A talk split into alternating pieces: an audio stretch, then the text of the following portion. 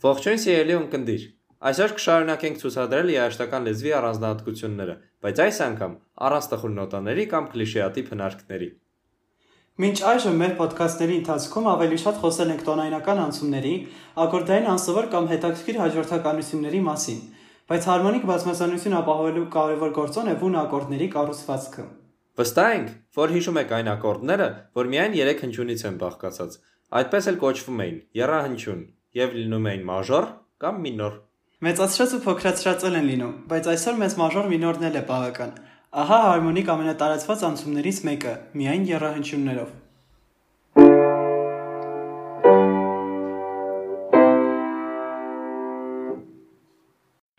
Այս անցումը շատ հաճախ է հանդիպում տարբեր ոճերում։ Կոչվում է 2-5-1։ Մարդիկ կան, որ ասում են ջազի միսն ու արյունն է։ Այո, բայց ջազմենները այն հաստատ միայն եռահանչյուններով չէին նվագի։ Կմոգոնեին այս կարգի մի բան։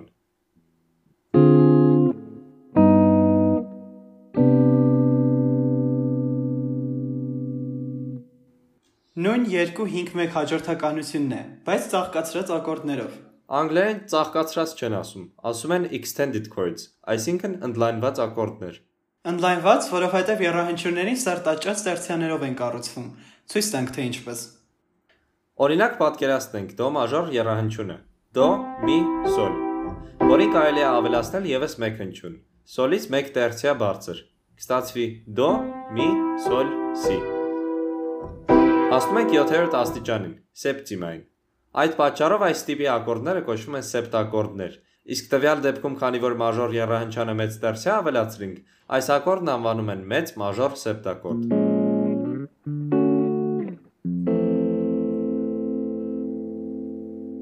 Նույն կերպ, եթե վերցնեք դո մինոր եռահանջյունը,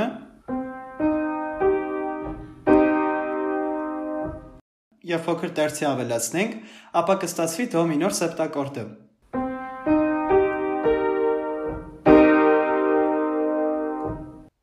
Երևի արժի ավելացնել, որ անպայման չէ այդ 7-րդ աստիճանը, սեպտիման վերևի ձայնում լինի։ Առհասարակ ցանկացած ակորդի կառուցվածքում նոտաները կարելի է շուրջ տալ, ինչպես հարմար է։ Կարևորը բասը մնա տեղում։ Եկեք լսենք, թե ինչպես են սեպտակորդները հնչում իրար հետևից։ Led Zeppelin, The Wanton Song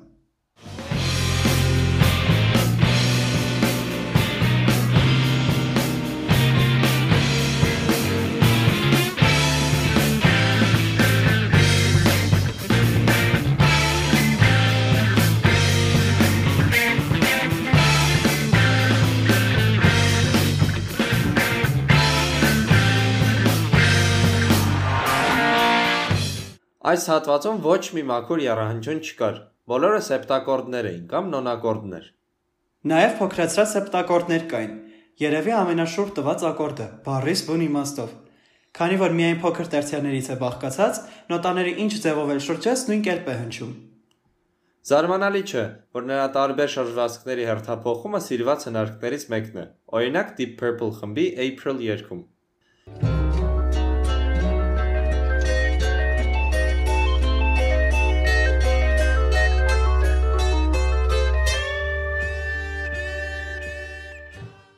Հիմնականում տոնայնության 7-րդ աստիճանից է կառուցվում եւ լարվածություն առաջացնում։ Լուծվում է տոնիկայում, միանգամից թողնելով լարումը։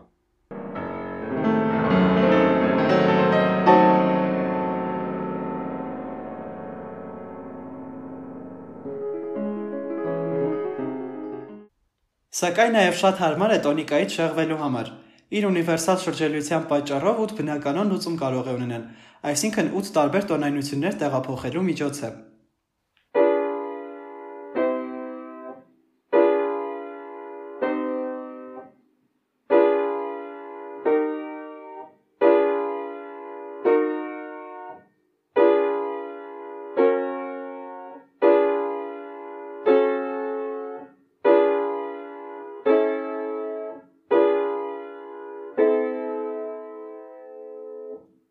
Եկանք հասանք ամենակարևոր սեպտակորդին, որի անունն էլ ֆունկցիոնել դոմինանտ է։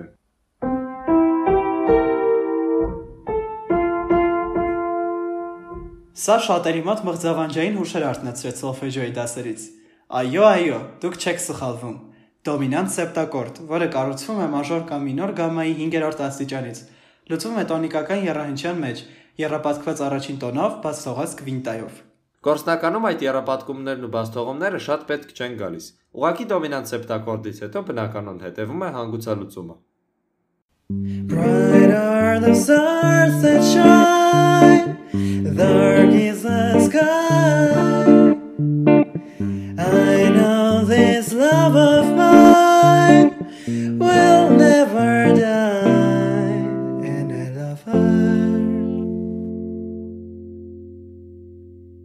Ակորդի կառուցվածքի տեսակետից այն անվանում են նաև փոքր մաժոր սեպտակորդ, քանի որ մաժոր եռահանչյանը ավելացվում է փոքր տերցիա։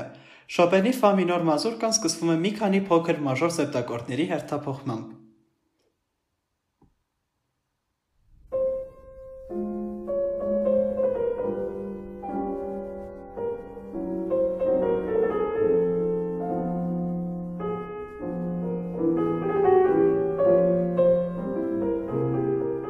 Եթե այդպես տերցիաներ ավելացնելու սկզբունքը շարունակենք, օրինակ դոմինանտ սեպտակորդին տերցիա գումարելով, կստանանք արենի սիրած ակորդը։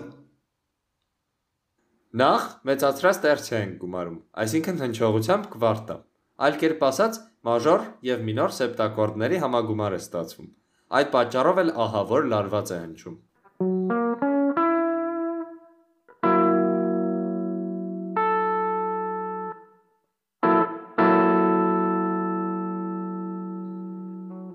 Երկրորդն էլ իմ սիրած ակորդը չէ, այլ ռոքի նորարար Ջիմի Հենդրիքսի։ Պարզ է, որ իրենից առաջել են օգտագործել նույնիսկ դասական կոմպոզիտորները, բայց գիտարահարների համար Հենդրիքս ակորդ է կոչվում։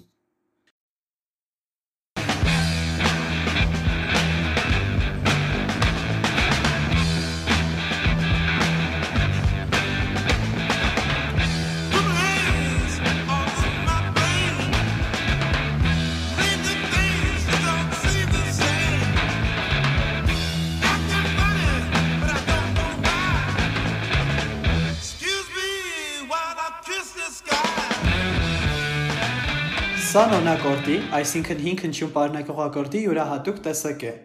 Նույն կերպ, եթե մեծ մաժոր կամ մինոր սեպտակորդներին տերցիա գումարենք, տարբեր տոնակորդներ կստանանք։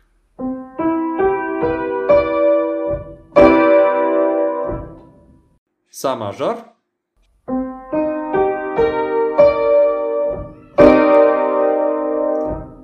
Սա մինոր։ Այս տեսակ ընդլայնված ակորդները պարունակում են հնչյունաշարի 9-րդ նոտան։ Եվ հենց 9-րդը, ոչ թե երկրորդը, թեկուզ դրանք նույն հնչյուններն են, բայց 9-ը ասելիս հասկանալի է, որ այն սեպտակորդի հիմքի վրա է ստացվել։ Եվ նորից արտասովոր հնչողությամբ։ Օրինակ Led Zeppelin-ի The Rain Song երգի տունը այդ տեսակ նոնակորդի շնորհիվ ինչ որ առողջվածային տրամադրություն է հաղորդում։ Իդեպ այս երգում, ինչպես եւ շատ այլ դեպքերում, Led Zeppelin-ի գիտարահար Ջիմի Փեջը փոխել է գիտարի ավանդական լարվածքը, որ เป զի այդ արտոսավոր ակորդները վերարտադրելի լինեն։ Ինչեր ասես չէին հորինում նոր հնչողություն ստանալու համար։ It is the springtime of my love. The second season I'm to know. You are the sunlight in my growing. So little warmth I've felt before. It isn't hard to feel me glowing. I watched the fire that grew so low.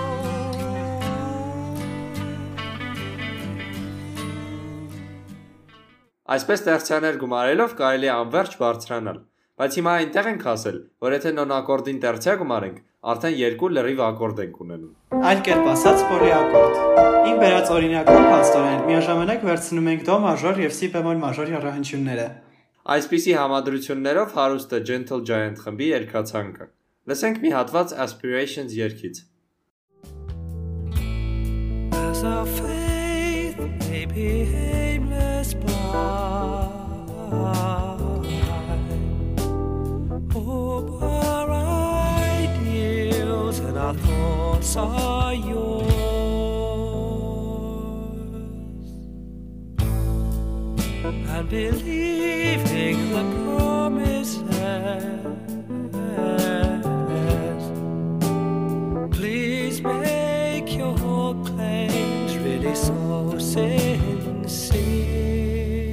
Հուսով ենք կարողացանք ցույց տալ հետաքրքիր եւ գունագեղ ակորդներ կառուցելու գլխավոր սկզբունքները։ Եվ քանի որ մեր մեկամսյա շուրջերկրյա ճանապարհորդությունը հաջորդ թողարկումով հասնելու է իր վերջին կանգառ, եկեք թվարկենք այն բոլոր թեմաները, որոնք չհասցրինք լուսաբանել, չնայած ուզում էինք։ Ուրեմն ինչի մասին չխոսեցինք։ Սուսակորդների եւ կվարտակորդների, Հարմոնիկ ռիթմի եւ դիատոնիկ լադերի։ միկրոքրոմատիզմի եւ պոլիտոնալության։ Բայց դեռ մեկ թողարկում ունենք, իսկ ինչին նվիրված կլինի այն, կիմանաք երկու օր անց։ Մնացեք մեզ հետ։ Ձեզ հետ էին Արենն ու Արշակը։